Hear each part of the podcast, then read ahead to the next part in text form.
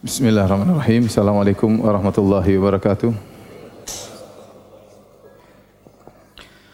Alhamdulillahi ala ihsanih wa syukru lahu ala taufiqihi wa amtinanih wa asyhadu an la ilaha illallah wahdahu la syarika lahu ta'ziman li sya'nih wa asyhadu anna Muhammadan abduhu wa rasuluhu da'ila ridwanih. Allahumma salli alaihi wa ala alihi wa ashabihi wa ikhwanih. Hadirin dan hadirat yang dirahmati oleh Allah Subhanahu wa taala. Kita melanjutkan bahasan kita masih pada bab yang ke-32 tentang tawakal kepada Allah Subhanahu wa taala. Kita masuk pada penjelasan ayat-ayat dan dalil-dalil yang didatangkan oleh Al-Imam Muhammad bin Abdul Wahab rahimahullahu taala. Adapun dalil yang pertama qaulillahi taala firman Allah Subhanahu wa taala wa 'alallahi fatawakkalu in kuntum mu'minin. Dan hanya kepada Allah lah kalian bertawakal jika kalian beriman. Ayat ini terdapat dalam surat Al-Maidah ayat 23 ya tentang kisah uh, Nabi Musa dan kaumnya. Tatkala Nabi Musa dan kaumnya keluar meninggalkan kota Mesir menuju ke uh, tempat yang suci yaitu Palestina ke Baitul Maqdis yang tadi ayat yang saya bacakan dalam salat ya di mana Nabi Musa berkata, ya, Ya qaumi dukhulul ardal muqaddasata allati kataballahu lakum wa la tartaddu ala adbarikum fatanqalibu khasirin. Wahai kaumku, masuklah kalian ke Palestina ya yang telah Allah catat untuk kalian dan janganlah kalian mundur maka kalian akan rugi. Ternyata di dalam kota Palestina tersebut ada orang-orang yang kuat ya, yang jabbar, orang-orang zalim sehingga menjadikan Bani Israel takut untuk masuk. Qalu ya Musa inna fiha qauman jabbarin. Wahai Musa, bagaimana kami masuk dalam kota tersebut sementara di situ ada orang-orang yang kuat, yang angkuh, yang zalim ya. Ya. Wa inna lan nadkhulaha hatta yakhruju minha. Kami tidak bakalan masuk sampai mereka keluar terlebih dahulu. Ya. Fa yakhruju minha fa inna dakhilun. Kalau mereka sudah keluar baru kami akan masuk. Jadi Nabi Musa menyuruh mereka untuk berjihad. Di situ kota milik kalian. Masuklah dan perangilah orang-orang zalim tersebut. Usir mereka dari kota Palestina. Apa kata Bani Israel? Kami enggak akan masuk sampai mereka keluar dulu.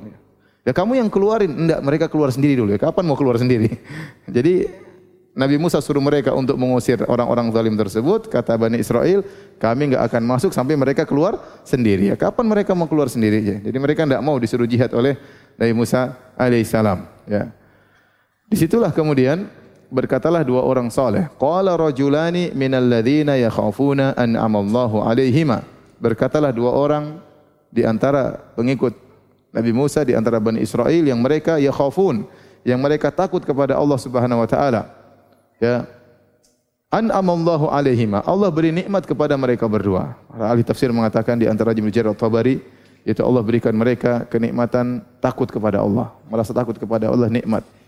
Ada yang mengatakan mereka diberi kenikmatan taufik kepada Allah, eh, taufik dari Allah kepada mereka untuk mampu mengucapkan kata-kata yang baik dalam kondisi genting tersebut yaitu mengingatkan kaum mereka untuk tawakal Qala rajulani minal ladina yakhafuna an amallahu alaihima udkhulu alaihimul bab. Masuklah kalian pintu ke dalam pintu kota tersebut, kota Palestina. Fa idza dakhaltumuhu, kalau kalian masuk, fa innakum ghalibun, niscaya kalian akan menang. Wa 'alallahi fatawakkalu dan hanya kepada Allah lah hendaknya kalian bertawakal in kuntum mu'minin jika kalian beriman. Inilah jadi yang didatang dijadikan dalil oleh Syekh Muhammad bin Wahab rahimahullah taala adalah perkataan dua orang soleh tersebut. Siapa dua orang soleh tersebut? Kebanyakan ahlu tafsir mengatakan dua orang soleh tersebut adalah Yusha bin Nun dan Kalib bin Yufanna atau Yafanna. Ya, dalam riwayat Yafanna, dalam riwayat Yufanna. Intinya inilah dua orang soleh dari kalangan Bani Israel yaitu Yusha bin Nun dan Kalib bin Yufanna. Yang mereka memotivasi kaumnya untuk berjihad di jalan Allah Subhanahu wa taala, menyuruh mereka untuk bertawakal kepada Allah Subhanahu wa taala. Namun apa kata kaum Nabi Musa? Qalu ya Musa, inna lan nadkhulaha abadan madamu fiha. Wahai Musa, kami enggak bakalan masuk ke dalam kota Palestina selama orang-orang Jabbar, orang-orang zalim tersebut masih di situ. Ya, abadan selama-lamanya kami enggak bakalan masuk. Fadhhab anta wa rabbik wa rabbuka faqatila. Kalau begitu pergilah engkau dan Tuhanmu aja yang duel lawan mereka. Inna hahuna qaidun. Kami tunggu hasilnya di sini.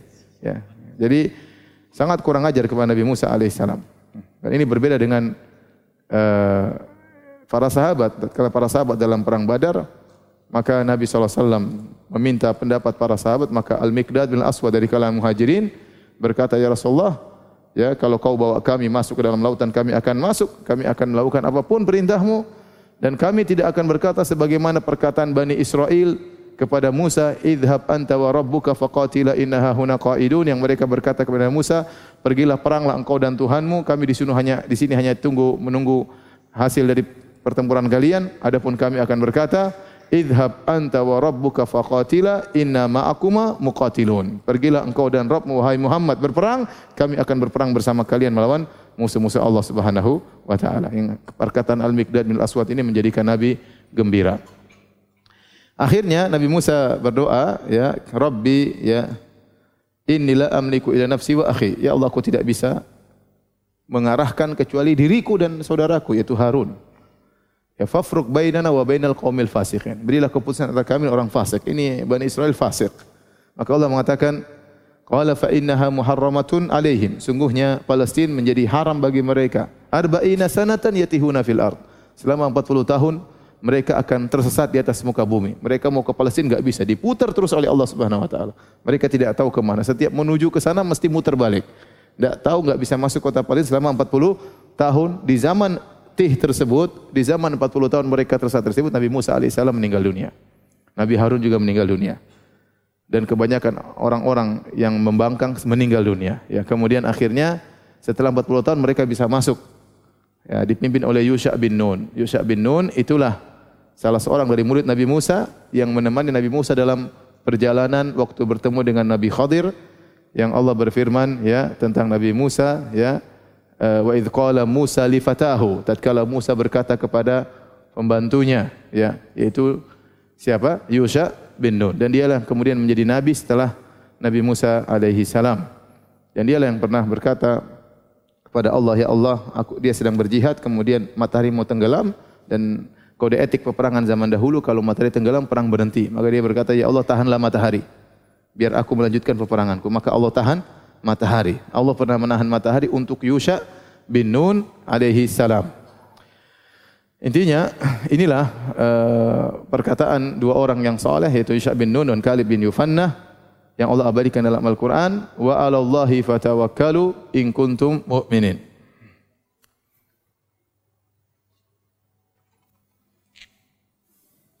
Allah Subhanahu wa taala berfirman wa 'alallahi fatawakkalu in kuntum mu'minin.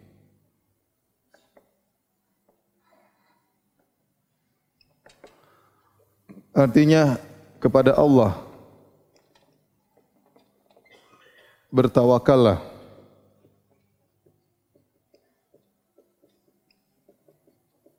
Jika kalian beriman.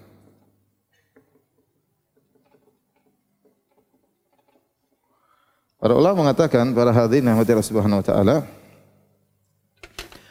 seharusnya dalam urutan uh, kalimat atau urutan kata seperti Indonesia ada SPO subjek predikat objek subjek predikat objek ya harusnya bertawakallah kepada Allah jika kalian beriman ya seharusnya begitu aturannya bertawakallah kalian kepada siapa kepada Allah jika kalian beriman. Tetapi dalam ayat ini Allah mendahulukan kepada Allah. Allah mendahulukan kepada Allah. Takdimul ma'mul. Allah mendahulukan objek baru kemudian predikat. Bertawakallah. Dan didahulukannya objek di atas predikat ini dalam kaidah bahasa Arab yufidu al-hasr atau al-qasar memberikan faedah pembatasan. Sehingga kalau kita artikan ayat ini menjadi ada tambahan hanya hanya kepada Allah bertawakallah. Ya. Seperti kalau kita ber, dalam Al-Qur'an kita surat Al-Fatihah, Iyyaka na'bud, kepada Engkaulah kami beribadah. Harusnya SPO, harusnya predikat berobjek, harusnya kepada Engkau eh, kami beribadah kepada Engkau. Harusnya kan demikian. Na'buduka, kami beribadah kepada engkau. Tetapi objeknya dimajukan. Kepada engkaulah kami beribadah. Nah, dalam terjemahan yang benar harus ditambah dengan kata hanya.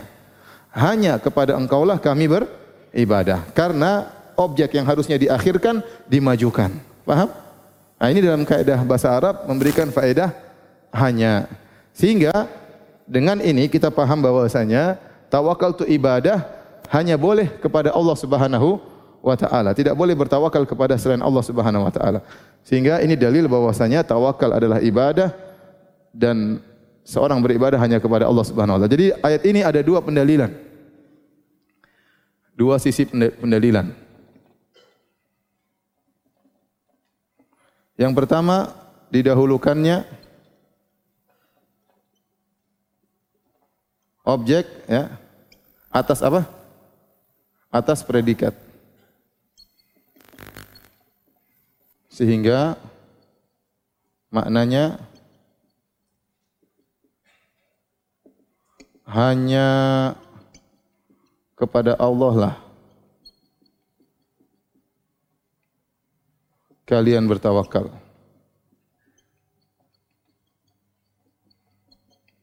Yang kedua, uh, Allah berfirman, "In kuntum mu'minin," jika kalian beriman bahwasanya tawakal adalah syarat iman. Adalah syarat keimanan.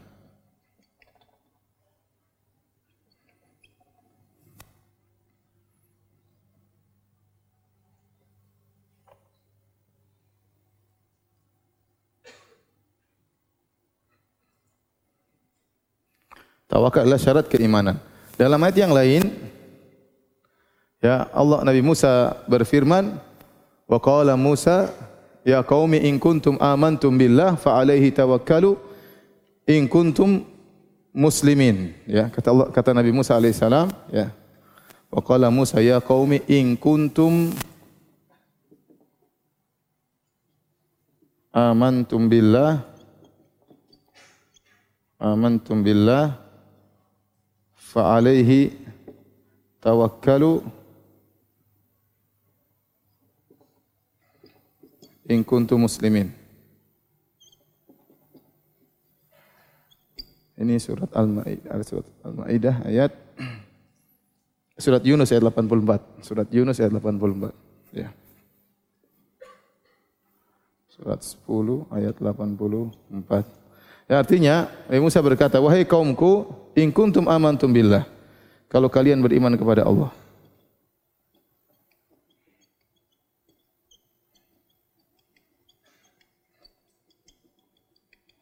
maka kepadanya kalian bertawakal sama. Didahulukannya uh, objek. Maka kepada Allah hanya kepada Allah maka hanya kepada Allah kalian bertawakal.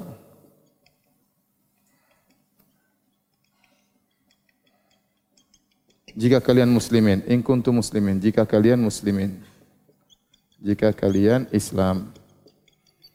Ayat ini lebih tegas lagi bahwasanya Allah Subhanahu wa taala menghikayatkan perkataan Nabi Musa kepada kaumnya wa qala Musa ya qaumi in kuntum amantum billah fa alaihi tawakkalu in kuntum muslimin wahai kaumku jika kalian beriman kepada Allah maka hanya kepada Allah kalian bertawakal jika kalian Islam. Di sini Allah menggandengkan syarat ya iman. Pertama syarat iman satu.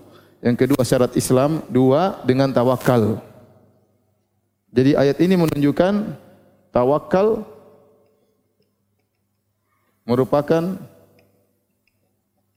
syarat iman dan Islam. Oleh karena jika seorang tidak bertawakal kepada Allah, hilang tawakalnya sama sekali kepada Allah, maka hilang iman dan Islamnya. Atau kalau dia bertawakal kepada selain Allah, ya, maka sebenarnya telah hilang Islam dan imannya, ya. Jadi uh, ini dalil bahwasanya seorang hanya bertawakal kepada Allah Subhanahu wa taala. Sekali lagi tawakal adalah menyerahkan perkara hati hanya kepada siapa? Allah Subhanahu wa taala, pasrah dan menyerahkan urusan kepada Allah Subhanahu wa taala. Nah, Ayat ini juga menunjukkan bahwasanya dua orang soleh tadi, yaitu Yusha bin Nun wa Kalib bin Yufanna, mereka memahami tawakal harus dikerjakan dengan usaha dan penyerahan hati. Makanya mereka mengatakan kepada kaum mereka, "Udkhulu alaihimul bab." Masuklah kalian, ayo perang. Fa idza dakhaltumuhu fa innakum ghalibun. Kalau kalian masuk kalian menang dan bertawakallah. Jadi tawakal yang benar harus disertai dengan apa? Usaha. Kalau bahasa kita harus disertai dengan apa? Ikhtiar akhdul asbab, harus mengambil sebab, harus berusaha. Ini dipahami oleh dua orang soleh tadi sebagaimana mereka mengatakan sebelumnya, udkhulu alaihimul bab. Ayo masuk perang. Jangan tunggu seperti kalian tunggu aja, tunggu mereka keluar sendiri. Itu namanya bukan tawakal.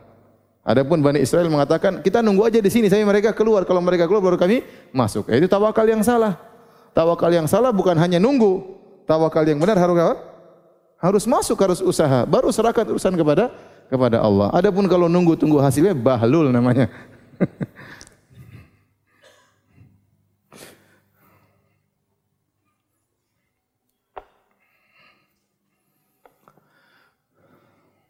Baik. Kita lanjutkan dalil berikutnya. Dalil berikutnya dalam surat Al-Anfal ayat 2 ya wa qawlihi dan firman Allah Subhanahu wa taala Innamal mu'minuna alladhina idza dzukirallahu wajilat qulubuhum wa idza tuliyat alaihim ayatuhu zadatuhum imana wa ala rabbihim yatawakkalun. Sungguhnya orang-orang beriman itu adalah orang-orang yang jika disebut Allah maka wajilat hati mereka takut. Wajilat qulubuhum. Wajil itu maksudnya takut ya. Wa idza tuliyat alaihim ayatuhu kalau dibacakan ayat-ayat Allah Subhanahu wa taala zadatum imana maka bertambahlah iman mereka wa ala rabbihim yatawakkalun dan mereka bertawakal kepada Rabb mereka ini adalah awal dari surat Al-Anfal Allah berfirman yas'alunaka 'anil anfal qulil anfalu lillahi war rasul fattaqullaha aslihu dzata bainikum wa atiullaha wa rasulahu in kuntum mu'minin Allah sebutkan pertama sifat wa atiullaha wa rasulahu in kuntum mu'minin taatlah kepada Allah dan rasulnya jika kalian beriman Kemudian sifat kedua, innamal mu'minuna alladzina idza dzukirallahu wajilat qulubuhum. Orang beriman itu kalau disebutkan Allah wajilat qulubuhum, mereka takut. Sifat ketiga, wa idza tuliyat alaihim ayatuhu zadatum. Kalau dibacakan uh, ayat Allah bertambah iman mereka. Sifat yang keempat, wa ala rabbihim yatawakkalun. Mereka bertawakal kepada Allah Subhanahu wa taala. Kemudian Allah berfirman, alladzina yunfiquna amwalahum uh, wa ala rabbihim yatawakkalun Uh, gimana ayatnya selanjutnya? Alladzina yuqimuna salata wa mimma razaqnahum yunfiqun. Ulaika humul mu'minuna haqqan. Ayat ke, ayat sifat keempat, sifat kelima dan keenam, alladzina yuqimuna salat yaitu orang yang mendirikan salat wa yunfiquna mimma wa yunfiqu mimma razaqnahum dan mereka berinfak dari sebagian apa yang kami beri rezeki kepada mereka. Ulaika humul mu'minuna haqqan. Mereka adalah orang-orang yang beriman sungguhnya. Tolong dihapus. Tolong dihapus.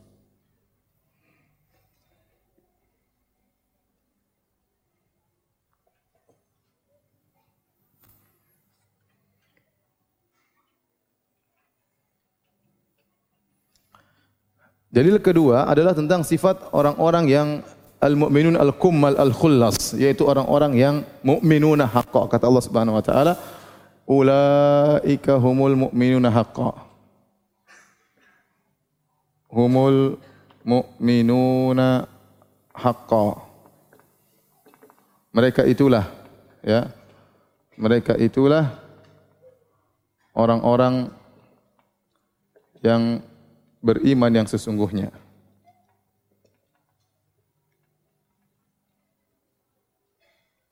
Apa sifat-sifat mereka? Allah sebutkan ya. Ya. Ada enam sifat atau lima sifat. Pertama kata Allah Subhanahu wa taala, Yas'alunaka 'anil anfal qul anfalullahi wa rasul fattaqullaha aslihu bainakum dzata bainakum wa atiullaha wa rasulahu in kuntum mu'minin. Yang pertama sifat-sifat mereka mereka taat kepada apa? Taat kepada Allah dan Rasulnya. Kemudian kata Allah Subhanahu wa taala, "Innamal mu'minuna alladzi alladzina idza dzukirallahu wajilat qulubuhum. Yang kedua, jika disebut Allah mereka takut.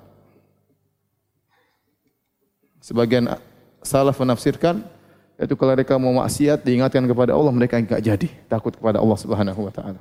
Setiap ada keinginan untuk maksiat mereka ingat Allah, mereka takut. Ini di antara sifatnya. Berarti Anda imannya tinggi. Setiap ingat oleh Allah Anda berhenti dari maksiat. Ingin mengucapkan kata, ingin maki orang, ingin menghina orang, ingin melihat yang haram, Anda ingat Allah jadi takut, enggak berani.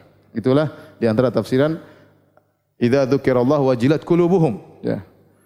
Bukan maksudnya jantung bergetar enggak ya. Sebagian orang menyangka jika disebut Allah jantung mereka bergetar ya. Saya kok enggak bergetar jantungnya. Bukan masalah jantung. Hanya masalah masalah takut kepada Allah Subhanahu wa taala. Kata Allah, wa idza tuliyat alaihim ayatu zadatun imana. Yang ketiga, jika dibaca ayat-ayat Allah bertambah imannya.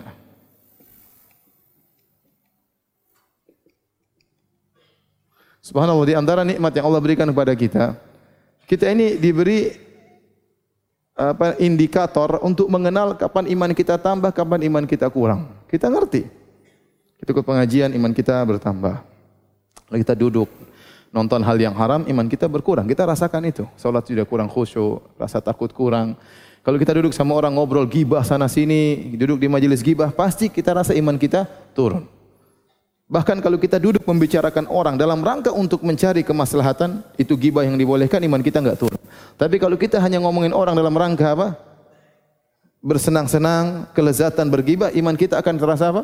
Turun. Jadi ada indikator dalam hati kita, mengenal kapan iman kita kapan iman kita naik. Nah, kalau orang yang beriman, ya, di antara cirinya kalau dibaca ayat Allah dia merasa imannya apa? bertambah. Wa idza tuliyat alaihim ayatu zadatum imana.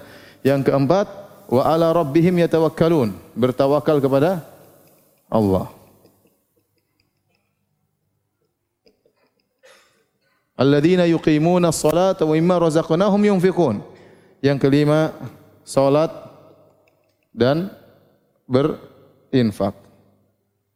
Kata Allah, ulaika humul mu'minuna haqqa. Mereka itulah orang-orang yang imannya tinggi. Lahum darajatun inda rabbihim wa maghfiratu rizqun karim. Mereka mendapat derajat-derajat yang tinggi di sisi Allah Subhanahu wa taala, maghfirah dan dapat ampunan, wa rizqun karim dan dapat rizki yang mulia yaitu di surga kelak. Nah, inilah sifat-sifat orang mukminin yang sempurna di antara sifat mereka adalah bertawakal kepada Allah Subhanahu wa taala. Ini sifat yang sempurna. Wa ala rabbihim yatawakkalun. Ya. Oleh karenanya yang bisa meraih sifat-sifat ini hanya orang-orang yang usahanya tinggi, imannya tinggi, maka Nabi sebutkan di antara ciri-ciri 70 ribu orang sabuna alfan yadkhuluna al-jannata bighairi adzabin wala hisab 70 ribu orang dari umat Nabi SAW yang masuk surga tanpa adzab dan tanpa hisab Sifat utama mereka adalah tawakal. Sebagaimana pernah kita bahas di awal pengajian. Waktu Nabi mengatakan akan ada umatku masuk surga tanpa azab tanpa hisab 70 ribu orang. Maka mereka bertanya, siapa mereka ya Rasulullah? Kepada Nabi, para sahabat bertanya, siapa orang-orang tersebut? Kata Nabi SAW, Humul ladhina la yastarqun, wa la yaktawun, wa la wa ala rabbim yatawakkalun. Mereka itu adalah orang-orang yang tidak minta diruqyah, tidak berobat dengan kai, tidak mengaitkan nasib sial dengan tatoyur, wa ala rabbihim yatawakkalun dan mereka bertawakal kepada Rabb mereka. Kata para ulama, ini sifat yang keempat, bertawakal adalah kesimpulan dari tiga sifat sebelumnya. Tidaklah mereka minta diruqyah, tidaklah mereka berobat dengan kai, tidaklah mereka menyadarkan nasib sial dengan apa yang dilihat dan apa yang didengar kecuali karena tawakal mereka yang tinggi. Paham? Kecuali karena tawakal mereka yang tinggi. Jadi sifat tawakal ini, ini sifat sangat luar biasa. Di balik sifat tersebut banyak ibadah yang dilakukan. Jika seorang sudah mencapai tingkat tawakal berarti dia sudah lewat banyak ibadah. Ya, dia sudah lewat banyak ibadah. Makanya tawakal ini sifat yang sangat tinggi. Saya katakan saya ulangi, seorang tidak mencapai tawakal kecuali dia telah melewati banyak ibadah. Dia pasti rububiyahnya mantap, dia pasti uluhiyahnya mantap, dia pasti asma sifatnya apa? Mantap. Dia pasti husnudzonnya mantap. Tidak karena sifat tersebut tidak bisa dibuat-buat. Kecenderungan seorang kepada materi itu sesuai dengan imannya. Ada orang cenderung sama materi.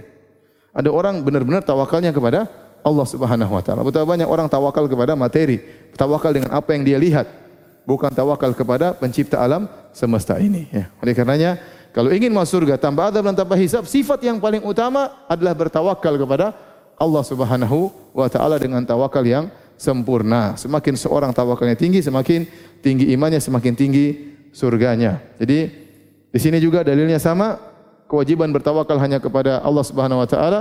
Kata Allah, "Wa ala rabbihim yatawakkalun." Wa ala rabbihim yatawakkalun. Sama, didahulukannya apa? Maaf, objek daripada predikat. Didahulukan objek atas predikat.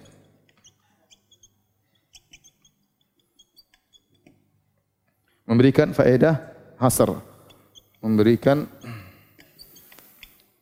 faedah hasr. Hasr.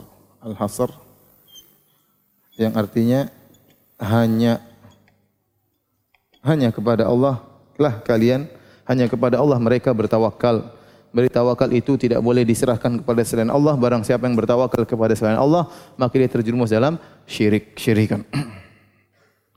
Bayangkan orang-orang kemudian pergi ke kuburan, minta kepada wali-wali, tawakalnya kepada wali-wali tersebut. Bayangkan orang yang pakai jimat, tawakalnya kepada pada jimat. Ya, jadi kita tahu kenapa banyak hal-hal dinilai syirik dalam syariat karena tawakal yang bermasalah. Karena tawakal yang bermasalah. Ya. Taruh foto kiai di mana? di restoran, tawakalnya kepada, aduh kalau foto dicabut nanti kayaknya kurang laku, nanti akan ada bala. Tawakalnya bukan kepada Allah tapi kepada foto kiai tersebut ya. Padahal kiai yang dipajang tersebut waktu sakit juga nggak bisa sembuhkan dirinya sendiri. Waktu mati ya sudah selesai. Taib, kita lanjutkan dalil berikutnya yang dibawakan oleh Al-Imam Muhammad Muhammad bin Abdul Wahab rahimahullahu taala wa qawlihi Ya ayuhan nabiyyu hasbukallah wa man ittaba'aka minal mu'minin. Wahai nabi, cukuplah Allah bagimu dan orang-orang kaum mukminin yang mengikutimu. Taib, tolong dihapus. Tolong dihapus.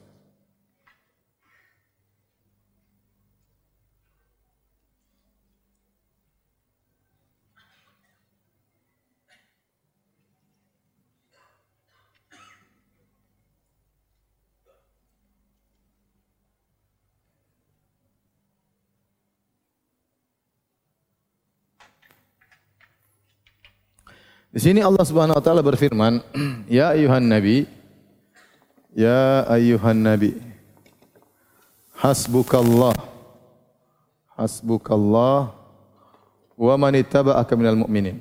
Wa man ittaba'aka minal mu'minin. Artinya wahai nabi, wahai nabi, cukuplah Allah cukuplah Allah bagimu dan kaum mukminin yang mengikutimu. Kaum mukminin yang mengikutimu. Ayat ini secara umum ada dua pendapat, dua tafsir di kalangan para ulama, ada khilaf ya. Ada dua tafsir. Tafsir pertama Tafsir pertama yaitu artinya cukuplah Allah bagimu dan bagi kaum mukminin, bagi kaum mukminin. Jadi hasbukallah ya wa hasbukal mu'minin. Hasbukallah wa hasbullah al-mu'minin. Hasbukallahu hasbullahu al-mu'minin. Hasbullahu al-mu'min. Kemudian yang kedua, tafsir yang kedua maknanya cukuplah cukuplah bagimu Allah dan kaum mukminin. Maksudnya yang menolongmu itu Allah dibantu dengan kaum mukminin. Ini dua tafsiran. Ini tafsiran jumhur ulama, tafsiran pertama jumhur ulama, beres ulama, ini tafsiran sebagian kecil ulama. Namun Al-Imam Ibnu Qayyim rahimahullah taala mengatakan tafsir yang kedua ini tafsir yang salah. Tafsir yang salah. Ya. Jadi terjemahannya bukan cukuplah bagimu Allah dan cukup bagimu pula kaum mukminin. Itu tafsir yang salah. Yang benar, cukuplah Allah bagimu dan cukuplah Allah juga bagi kaum mukminin. Paham? Bisa dibedakan dua tafsir ini? Saya. Yang kedua ini salah, seakan-akan kaum mukminin bersama Allah cukup bagi nabi. Yang benar bahwasanya cukuplah Allah bagi nabi dan juga bagi kaum mukminin. Paham? Ini contoh khilaf ya. Dan kalau kita tahu bahwasanya cukup Allah bagi segalanya, jika hanya Allah cukup bagi nabi, maka ini kewajiban untuk bertawakal kepada Allah Subhanahu wa taala. Jika hanya Allah cukup bagi nabi, bagi nabi dan kaum mukminin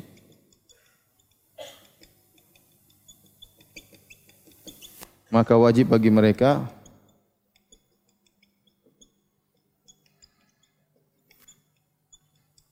untuk bertawakal untuk hanya bertawakal kepada Allah.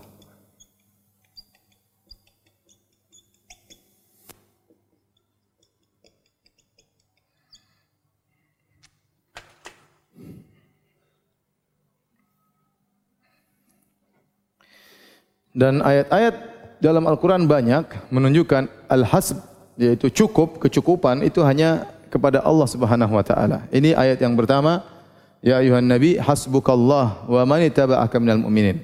Ya wahai nabi, cukup Allah bagimu dan cukup Allah bagi kaum mukminin. Ayat yang lain contohnya wa may yatawakkal 'ala Allahi fahuwa hasbuh.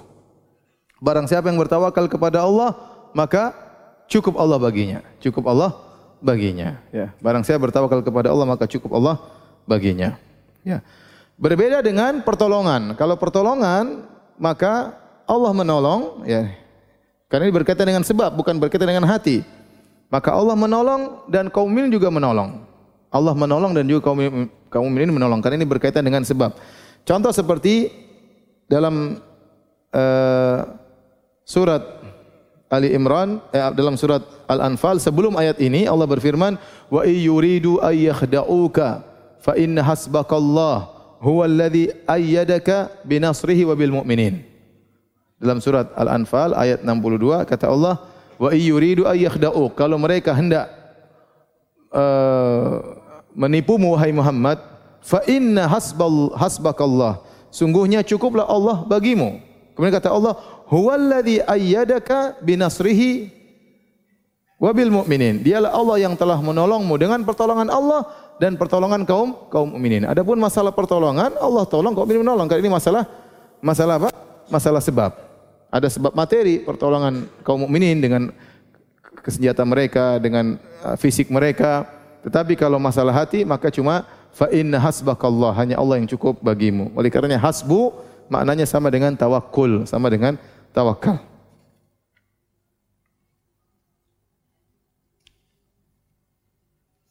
Sama juga dalam contohnya uh,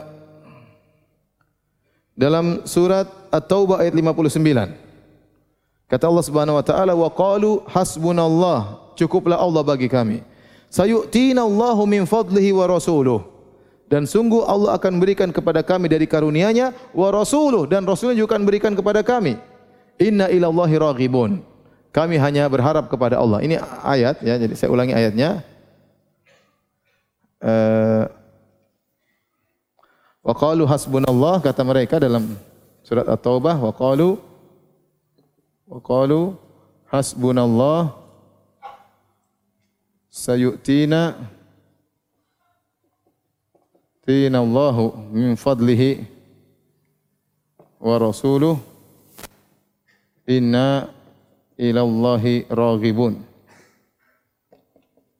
Artinya mereka berkata mereka berkata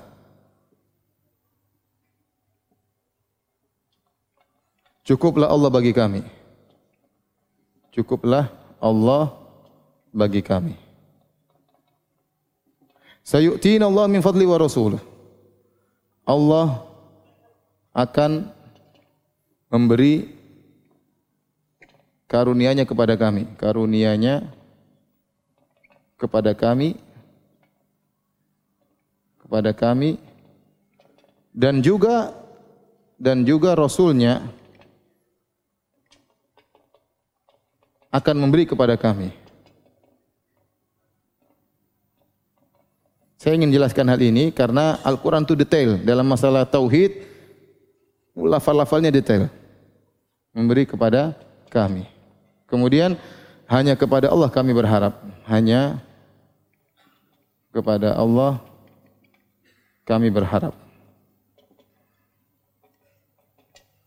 Ini perkataan kaum mukminin, mereka mengatakan hasbunallah cukuplah Allah bagi kami. Mereka tidak berkata cukuplah Allah dan Rasulnya bagi kami. Karena ini tauhid. Masalah apa? Hati. Cukup Allah. Mereka tidak berkata hasbunallah wa rasuluh. Tidak. Mereka hanya berkata hasbunau Allah. Cukuplah Allah bagi kami. Tapi kalau masalah pemberian, mereka bilang, Nabi beri, Allah juga beri. Allah juga beri, Nabi beri. Sayu'tina Allah min fadlihi. Allah akan berikan karunia kepada kami. Wa rasuluh. Dan Rasul juga akan berikan kepada kami. Ya Rasul memberikan. Karena Rasul bagi zakat, Rasulullah SAW beri wejangan, Rasulullah SAW memberi perintah, wa ma atakumur rasulu fakhudhuh. Kata Allah apa yang Rasulullah berikan, maka ambillah. Jadi Rasulullah juga memberikan sebagaimana Allah juga memberikan. Tapi kalau tawakal hanya kepada Allah. Kemudian tatkala berbicara harapan, kembali lagi inna ilallahi ragibun. Hanya kepada Allah kami berharap. Mereka tidak berkata ilallahi wa rasulihi ragibun kepada Allah dan Rasulnya kami berharap. Karena berharap ini juga kaitannya dengan amalan hati. Faham ini? Jadi masalah tawakal hanya kepada Allah Subhanahu wa taala.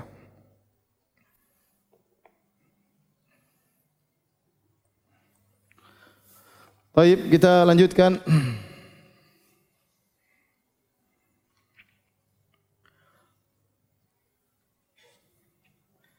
Dalil terakhir yang dibawakan oleh Al-Imam Muhammad bin Abdul Wahab rahimahullahu taala wa ibni Abbasin qol wa ibni Abbasin qol dari sahabat Ibnu Abbas radhiyallahu anhu beliau berkata hasbunallahu wa ni'mal wakil.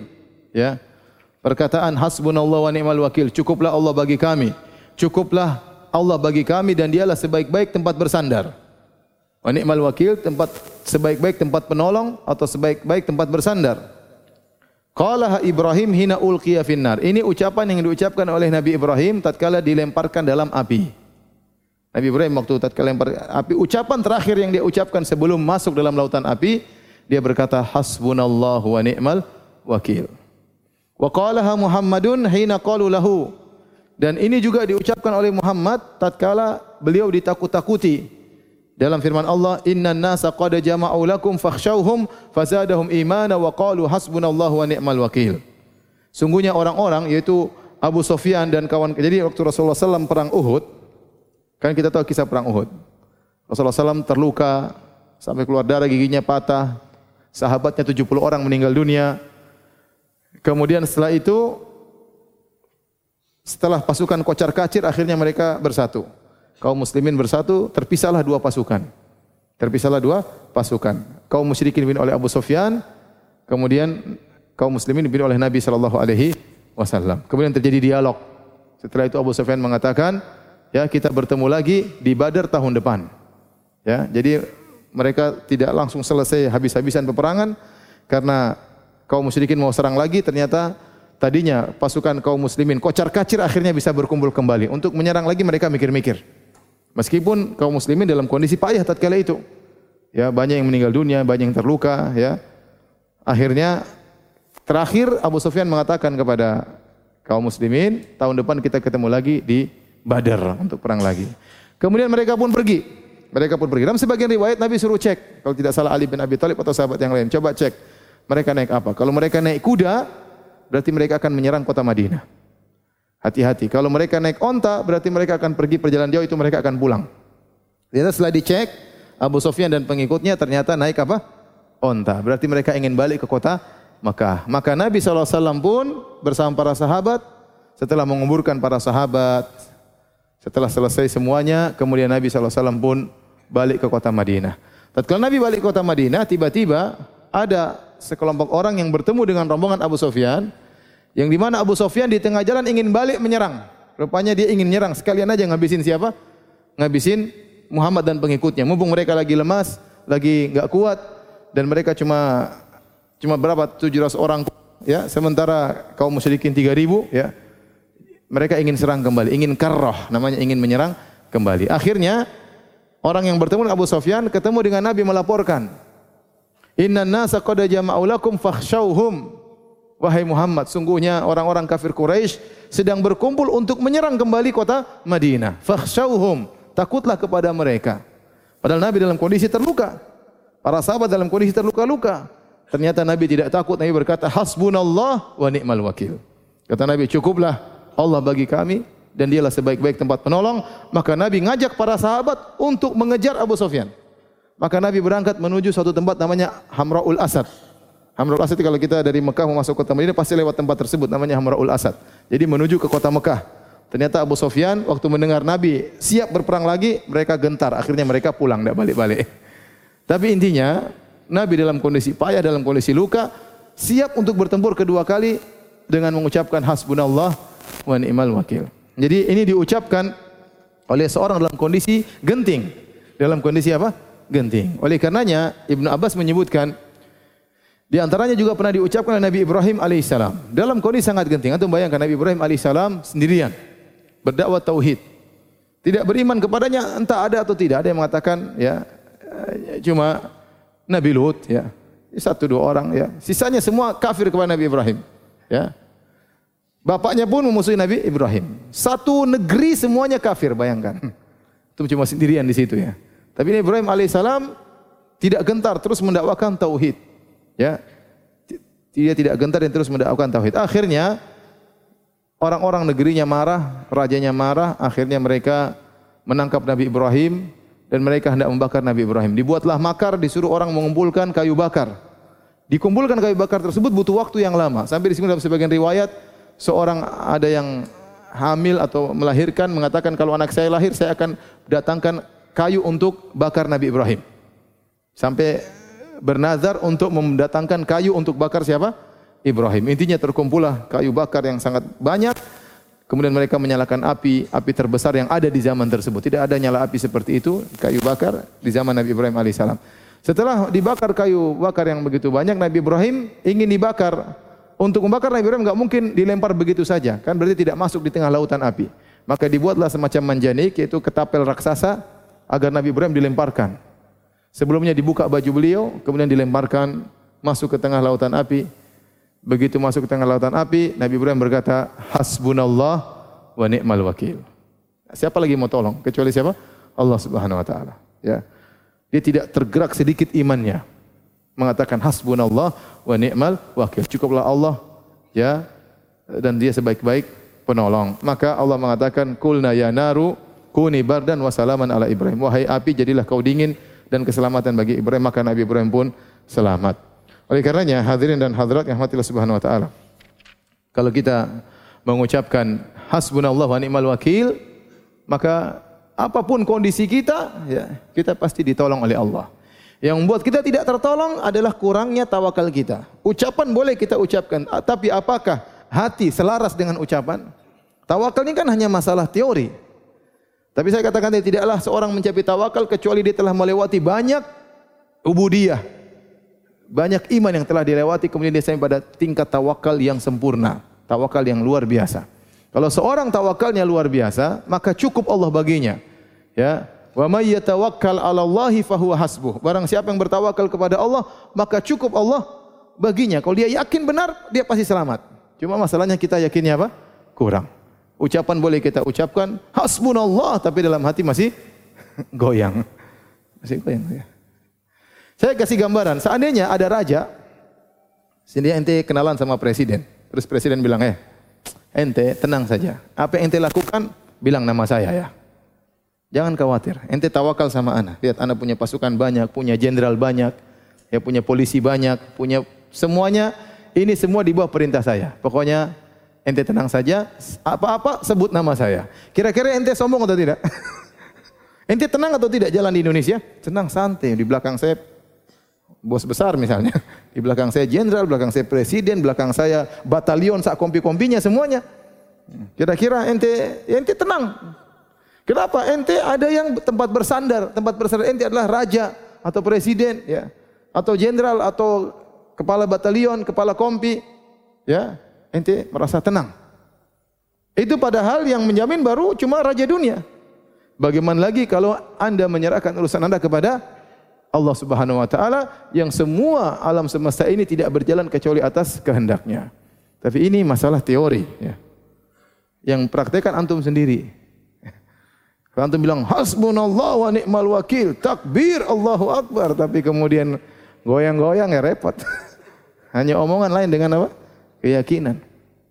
Tidak mudah. Tidak mudah ya.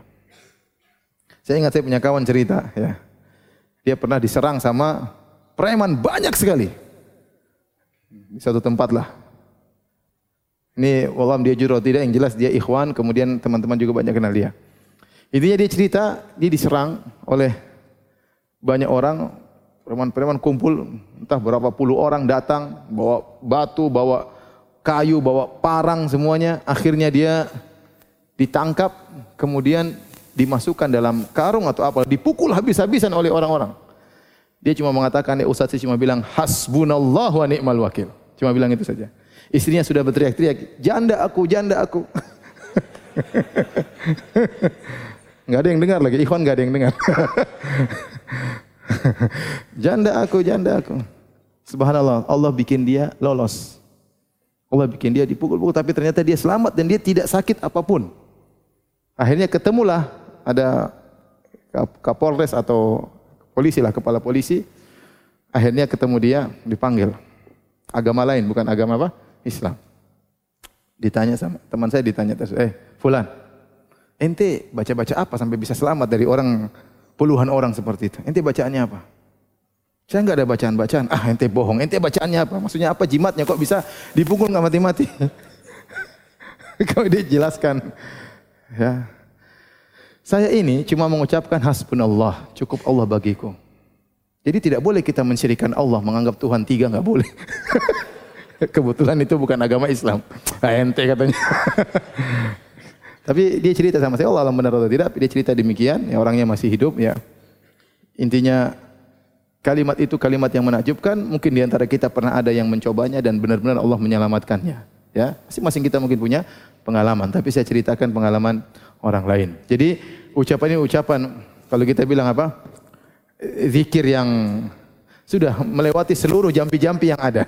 Cuma tinggal keyakinan kita mengucapkannya benar atau tidak. Hasbunallahu wa ni'mal wakil. Nah, kalau Anda dalam menghadapi apa masalah apa pun, Anda merasa sudah tidak ada jalan keluar, sudah Anda bilang itu aja. Hasbunallah wa ni'mal wakil. Bukan cuma dalam peperangan, dalam masalah lain juga. Dalam masalah ini ada masalah kayaknya sudah mau serahkan kepada siapa? Mau curhat sama siapa? Percuma saya curhat sampai mulut berbusa pun tidak ada yang bisa tolong. Maka cukup Anda mengatakan berdoa hasbunallah wa ni'mal wakil. Kalau Anda mengucapkannya dengan benar-benar penuh keyakinan, maka Allah tidak akan menyelisih janjinya. Wa may yatawakkal 'ala Allah fahuwa hasbuh. Barang siapa bertawakal kepada Allah, maka cukuplah Allah baginya. Baik. Di sini terakhir disebutkan ya fihi masail ada faedah-faedah dari bab ini kata Al-Imam Abdul Wahab rahimahullah taala yang pertama anna tawakkula minal faraid bahwasanya tawakal kepada Allah itu hukumnya wajib yang kedua annahu min syurutil iman bahwasanya tawakal kepada Allah adalah syarat keimanan. Yang ketiga tafsir ayatul anfal. Tafsir ayatul anfal ayat yang tadi kita sebutkan innamal mu'minuna alladzina amanu alladzina idza dzukirallahu wajilat qulubuhum. Dan seterusnya ciri-ciri orang beriman yang sempurna tadi ada lima sifatnya. Kemudian uh, tafsir ayat di akhir surat Al-Anfal. Kemudian tafsir ayat tolak hasbunallah wa ni'mal wakil. Ya atau uh, ya, ya, wa may Allah fahuwa hasbuh. Wa idhamu sya'ni hadhil kalimah agungnya perkataan ini hasbunallah wa ni'mal wakil wa annaha qaulu Ibrahim wa Muhammad sallallahu alaihi wasallam fi syada'id dan inilah perkataan Ibrahim dan Nabi Muhammad sallallahu alaihi wasallam tatkala dalam kondisi genting. Jadi kalau kita dalam kondisi genting jangan lupa kita mengucapkan hasbunallahu wa ni'mal wakil. Baik demikian saja. Uh, kalau ada yang bertanya saya persilahkan wallahu taala alam bisawab. Kalau azan azan ya. Berapa menit lagi azan? Lima berapa azan? Lima menit lagi.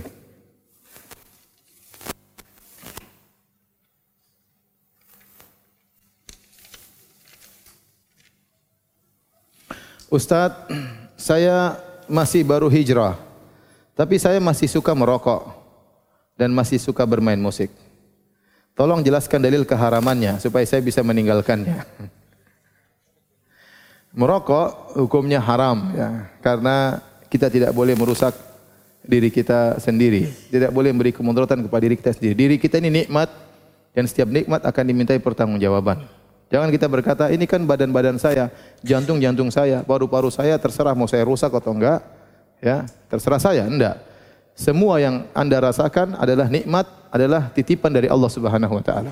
Makanya Allah melarang membunuh diri. Ya, Kata Allah Subhanahu wa taala, ya wala tulqu bi aidikum ila tahluka, jangan kau lemparkan dirimu dalam kebinasaan. Wala taqtulu anfusakum, jangan kalian bunuh diri kalian. Maka kalau ada orang bunuh diri, misalnya dia menusukkan besi ke dalam perutnya, maka dia akan disiksa oleh Allah pada hari kiamat dengan siksaan tersebut. Jangan dia berkata ini nyawa-nyawa saya terserah saya. Enggak. Itu nyawamu, jasadmu titipan Allah Subhanahu wa taala. Tidak boleh kita rusak. Jangankan dirimu, hartamu saja kau rusak-rusak tidak boleh. Betul tidak? Ya, innal mubadzirina kanu ikhwana syayatin. Kata Allah, mubadzir adalah temannya syaitan. Kalau orang kemudian punya mobil dia bakar, dia ledakkan ya. Ini bahlul atau bukan? Bahlul. Dan dia akan diminta pertanggungjawaban oleh Allah Subhanahu wa taala. Nah, kalau benda di luar tubuh kita saja tidak boleh kita rusak, apalagi tubuh kita. Dan semua dokter sepakat bahwasanya rokok itu merusak. Tanyakan dokter, Nanti kalau nanti ke rumah sakit lihat dokter, ada 100 mungkin apa? racun ya. Meskipun dokternya juga merokok ya. Tapi dia tahu kali tanya dokter siapa pun apa rokok dia akan sebutkan ini racunnya racun racun racun. Jadi yang pertama tidak boleh kita memberi kemudaratan kepada diri kita sendiri di antaranya rokok. Dan betapa banyak ya orang orang apa yang merokok akhirnya kena kanker banyak sekali. Kalau ada yang bilang Ustadz, ada orang juga merokok umurnya panjang. Ya atau tidak? Kita bilang seandainya dia tidak merokok akan lebih panjang lagi. Yang kedua, betapa banyak buktinya betapa banyak orang minum khamar enggak mati-mati. Orang-orang bule itu minum khamar enggak mati-mati enggak? Ya, buktinya bu bukan berarti kemudian kalau tidak mati berarti jadi halal. Enggak. Ya, banyak orang narkoba juga tidak mati-mati kemudian eh, kita katakan halal. Jadi yang jelas kita tanya kepada para ahli, para dokter, mereka mengatakan bahwasanya rokok itu berbahaya.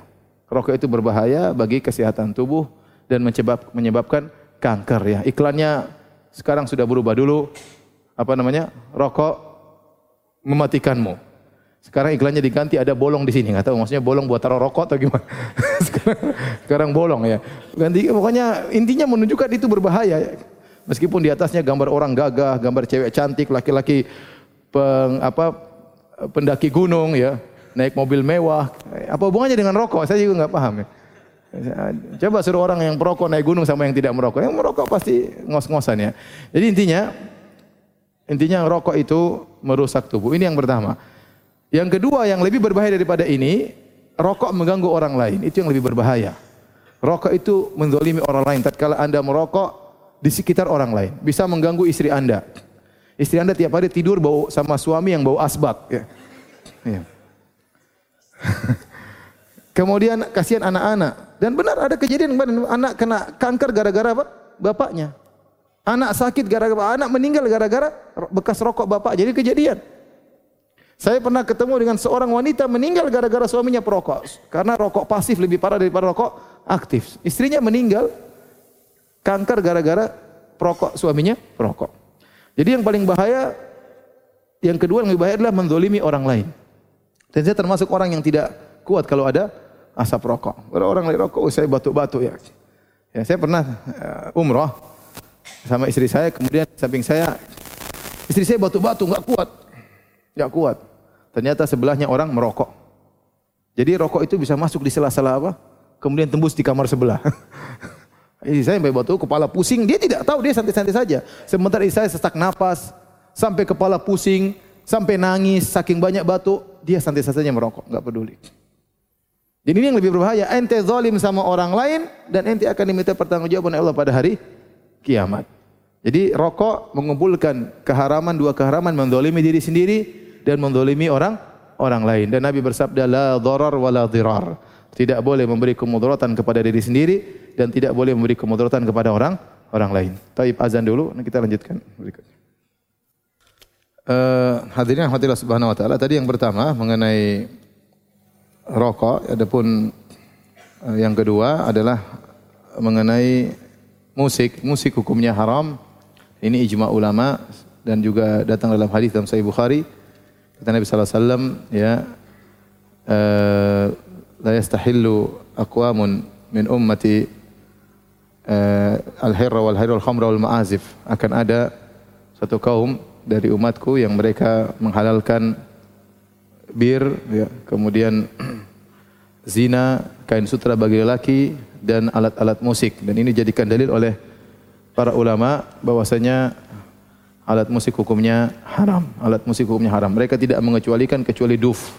Dan itu pun dimainkan tatkala dalam acara-acara afrah seperti uh, tatkala dalam kondisi Idul Fitri, Idul Adha atau dalam walimah pernikahan ya maka boleh. Adapun selain daripada uh, duf, rebana maka alat-alat musik hukumnya haram ya, hukumnya haram. Dalilnya jelas dan ini ijma ulama.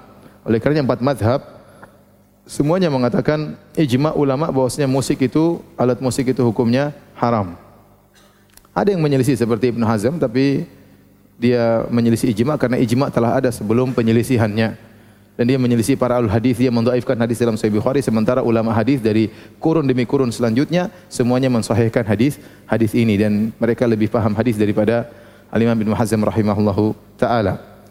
Kemudian ditinjau dari selain dari dalil dari kenyataan, bukankah musik benar-benar melalaikan ya? Bukankah musik benar-benar melalaikan ya? Lihat orang-orang pemusik, mereka kebanyakan dalam kondisi terlalaikan dari membaca Al-Qur'an, terlalaikan dari uh, ayat-ayat Allah Subhanahu wa taala ya. dan banyak di antara mereka akhirnya tersiksa mereka bunuh diri, kemudian suka dengar lagu-lagu cinta, suka dengar lagu-lagu tentang sifat wanita yang mereka hafal syair-syair tentang berkaitan dengan zina atau hal yang menuju kepada zina ya kalau dikatakan ada musik-musik baik cuma sedikit segelintir kecil dibandingkan dengan musik-musik yang yang haram. Ya.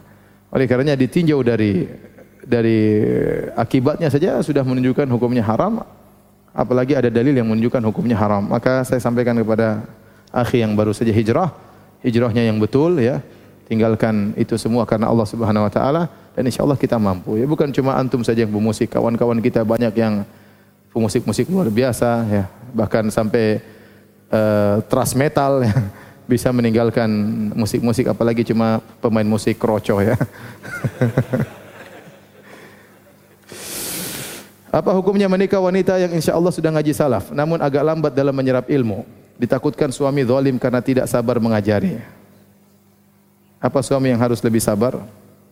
Ya terserah antum, antum istikharah ya. Tidak ada orang langsung pintar diajarin ya.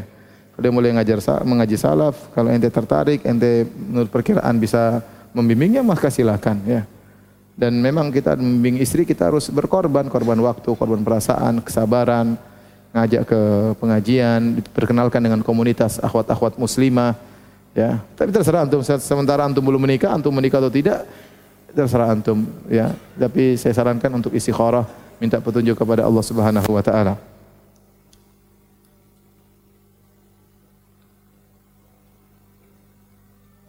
Orang yang pernah bertatoyur atau minta dirukyah tidak termasuk 70 ribu orang. Lalu bagaimana jika dia tobat dan menjadi orang yang bertawakal? Mudah-mudahan kalau dia bertobat kemudian dia bertawakal menjadi orang yang tawakalnya tinggi, mudah-mudahan termasuk dari 70 ribu orang tersebut. Oleh karenanya ketika para sahabat bertanya atau mengira-ngira siapakah 70 ribu orang yang masuk surga tanpa azab dan tanpa hisab, di antara sahabat ada yang berkata humul ladina wulidu fil Islam walam yusyriku billahi syai'a. Di antara ada sahabat yang menafsirkan mungkin 70 ribu orang tersebut adalah orang yang sejak lahir sudah Islam dan tidak pernah berbuat syirik sama sekali. Ternyata tafsiran ini bukan. Seandainya tafsiran ini benar, maka orang sudah pernah syirik tidak akan mungkin jadi 70 ribu orang. Paham? Tetapi ini bukan tafsiran yang benar. Tafsiran kami cuma mengatakan mereka tidak minta rukyah, minta tidak pernah uh, tatoyur dan yang lainnya. Ya. Seandainya mereka meninggal dalam kondisi bersih daripada ini semua, mudah-mudahan mereka termasuk dari 70 ribu orang. Bahkan para sahabat dahulu syirik mereka lebih parah dari sekedar tatoyur segala. Mereka syiriknya lebih parah, menyembah berhala di antara mereka ya. Tapi mereka kemudian menjadi orang beriman dan tawakal mereka tinggi. Jadi insya Allah kalau orang bertobat, mungkin pernah percaya sama dukun, bahkan pernah Nasrani, pernah Hindu, pernah Buddha, kemudian dia masuk Islam, ya bukan cuma sekedar pernah bertatoyur, pernah syirik akbar, kemudian dia bertawakal kepada Allah, semoga bisa menjadi eh, orang-orang uh, tersebut yang masuk surga tanpa adab, tanpa hisab.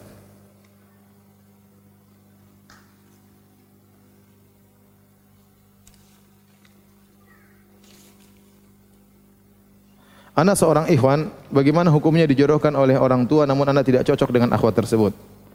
Apakah harus belajar mencintai akhwat tersebut? Atau anak jujur ke orang tua kalau anak tidak cocok meskipun buat orang tua kecewa? Saya nggak tahu ini sudah nikah atau belum ya. Kalau sudah nikah ya qadarullah ya. Ya berarti ya lihat mana yang lebih maslahat. Tapi kalau belum nikah, saya anjurkan mundur. Kalau belum nikah saya anjurkan apa? Untuk mundur. Karena cinta itu belum tentu datang ya. Ya, kita berdoa kepada Allah tumbuhkan cinta, bisa jadi Allah kasih cinta, belum belum belum tentu Allah kasih cinta. Kalau seorang lelaki sudah tidak cinta kepada istrinya, maka cenderung akan melakukan kezaliman. Tidak ada kemesraan, tidak diberikan hadiah. Kenapa dia tidak cinta? Mau, mau ajak ngobrol bercanda juga tidak mesra. Kenapa dia tidak cinta? Jadi seakan-akan beban hidupnya, beban hidup baginya dan beban hidup bagi sang wanita. Lebih berat lagi sang wanita menghadapi beban hidup sang lelaki yang tidak cinta kepada kepada dia. Oleh karenanya kalau belum menikah, saya anjurkan tidak usah.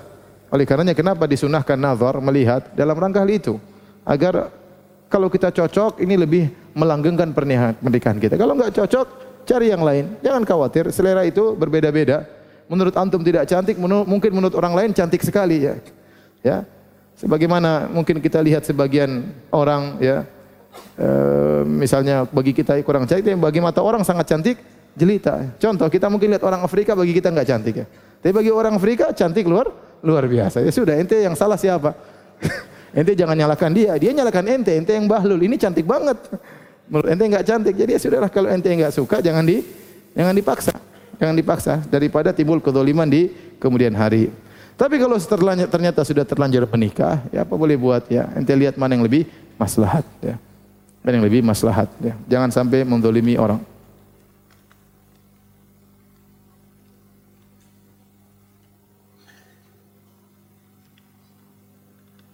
Ustaz, apa yang terjadi setelah Nabi Ibrahim selamat dari api? Apakah kaumnya dan rajanya beriman? Tidak, mereka tidak beriman. Ya. Mereka tidak beriman dan akhirnya Nabi Ibrahim ini muhajir ila Rabbi.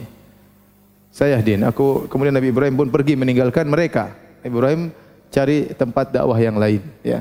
Meninggalkan uh, negerinya Babil di Irak, kemudian Nabi Ibrahim menuju ke negeri Syam untuk berdakwah dan di sana dia mendapati orang-orang menyembah benda-benda langit, matahari, rembulan dan bintang. Ustaz dulu pas saya masih sekolah saya sering gibahi teman-teman saya, bahkan guru-guru saya pun. Mudah-mudahan sudah ngaji jangan begitu ya. Bahkan ustaz-ustaz pun saya gibahi jangan. bahkan guru-guru saya pun tidak luput dari gibahan saya. Apa harus saya lakukan Ustaz? Sementara untuk minta maaf susah karena terlalu banyak orang saya gibahi dan saya zalimi. Ya, kalau sudah kita bertobat kepada Allah dengan tobat yang sesungguhnya jangan diulang lagi. Semoga Allah maafkan. Kita doakan mereka orang yang pernah kita gibai, kita doakan terus, doain terus semoga Allah mengampuni mereka dan mengampuni kita. Ustaz, anak saya sampai ini sampai saat ini sudah umur 15 tahun belum diakikah. Apakah di umur sekarang masih bisa dan boleh diakikahkan? Eh, ini masalah khilaf tapi yang benar boleh. Yang benar apa?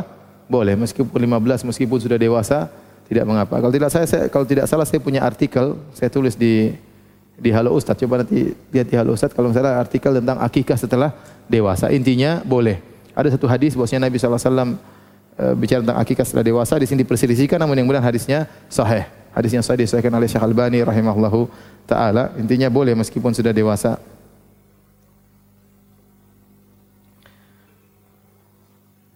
Ustaz boleh enggak punya usaha walet? Ya. Emang kenapa walet? Ada masalah dengan walet? Saya kurang tahu hukum asalnya, hukum asalnya jual beli atau usaha boleh, ya. Apa masalah dengan walet? Saya enggak tahu apa kenapa dia bertanya demikian ya. Kenapa walet? Kenapa? Air liurnya di Ya kalau bermanfaat enggak jangan kan burungnya pun kalau manfaat kita makan. Jangankan air liurnya, burungnya pun kalau manfaat kita boleh sembelih atau tidak? Boleh, apalagi sekedar air air liurnya. Kalau bermanfaat enggak ada masalah ya. Ustadz, bolehkah kita membuka tabungan deposit di bank dengan tujuan keuntungannya digunakan untuk memberikan bantuan kepada yang membutuhkan? Jawabannya enggak boleh. Berarti kita ingin mendapat bunga, yang bunganya kita salurkan untuk kebaikan. Ya. Niat kita baik, tapi tidak boleh. Karena berarti kita tolong menolong dalam apa? Riba. Rasulullah SAW bersabda atau Jabir berkata, radhiyallahu anhu la ana Rasulullah SAW akila riba wa mukilahu wa katibahu wa syahidaihi wa qalahum sawa' Sungguhnya Nabi melaknat pemakan riba wa mukilahu nasabahnya yang membuat orang bisa melakukan apa? riba ya. Jadi uh, Rasulullah melaknat, melaknat rentenirnya dan korban rentenirnya. Ya, karena uang tersebut ya dia dia dia yang kasih makan sama rentenir tersebut ya. Jadi semuanya ya baik baik uh, pemakan riba atau yang kasih keuntungan semuanya kena pencatatnya dan juga kedua saksinya dan kata Nabi mereka semua sama. Maka seorang tidaklah menabung di bank kecuali darurat, kecuali darurat. Adapun dalam rangka untuk mengambil bunganya dibantu kepada fakir miskin maka tidak diperbolehkan. Tapi demikian saja banyak pertanyaan saya tidak bisa jawab karena kekurangan ilmu. Mohon maaf. Subhanakallah bihamdik asyhadu an la ilaha Assalamualaikum warahmatullahi wabarakatuh.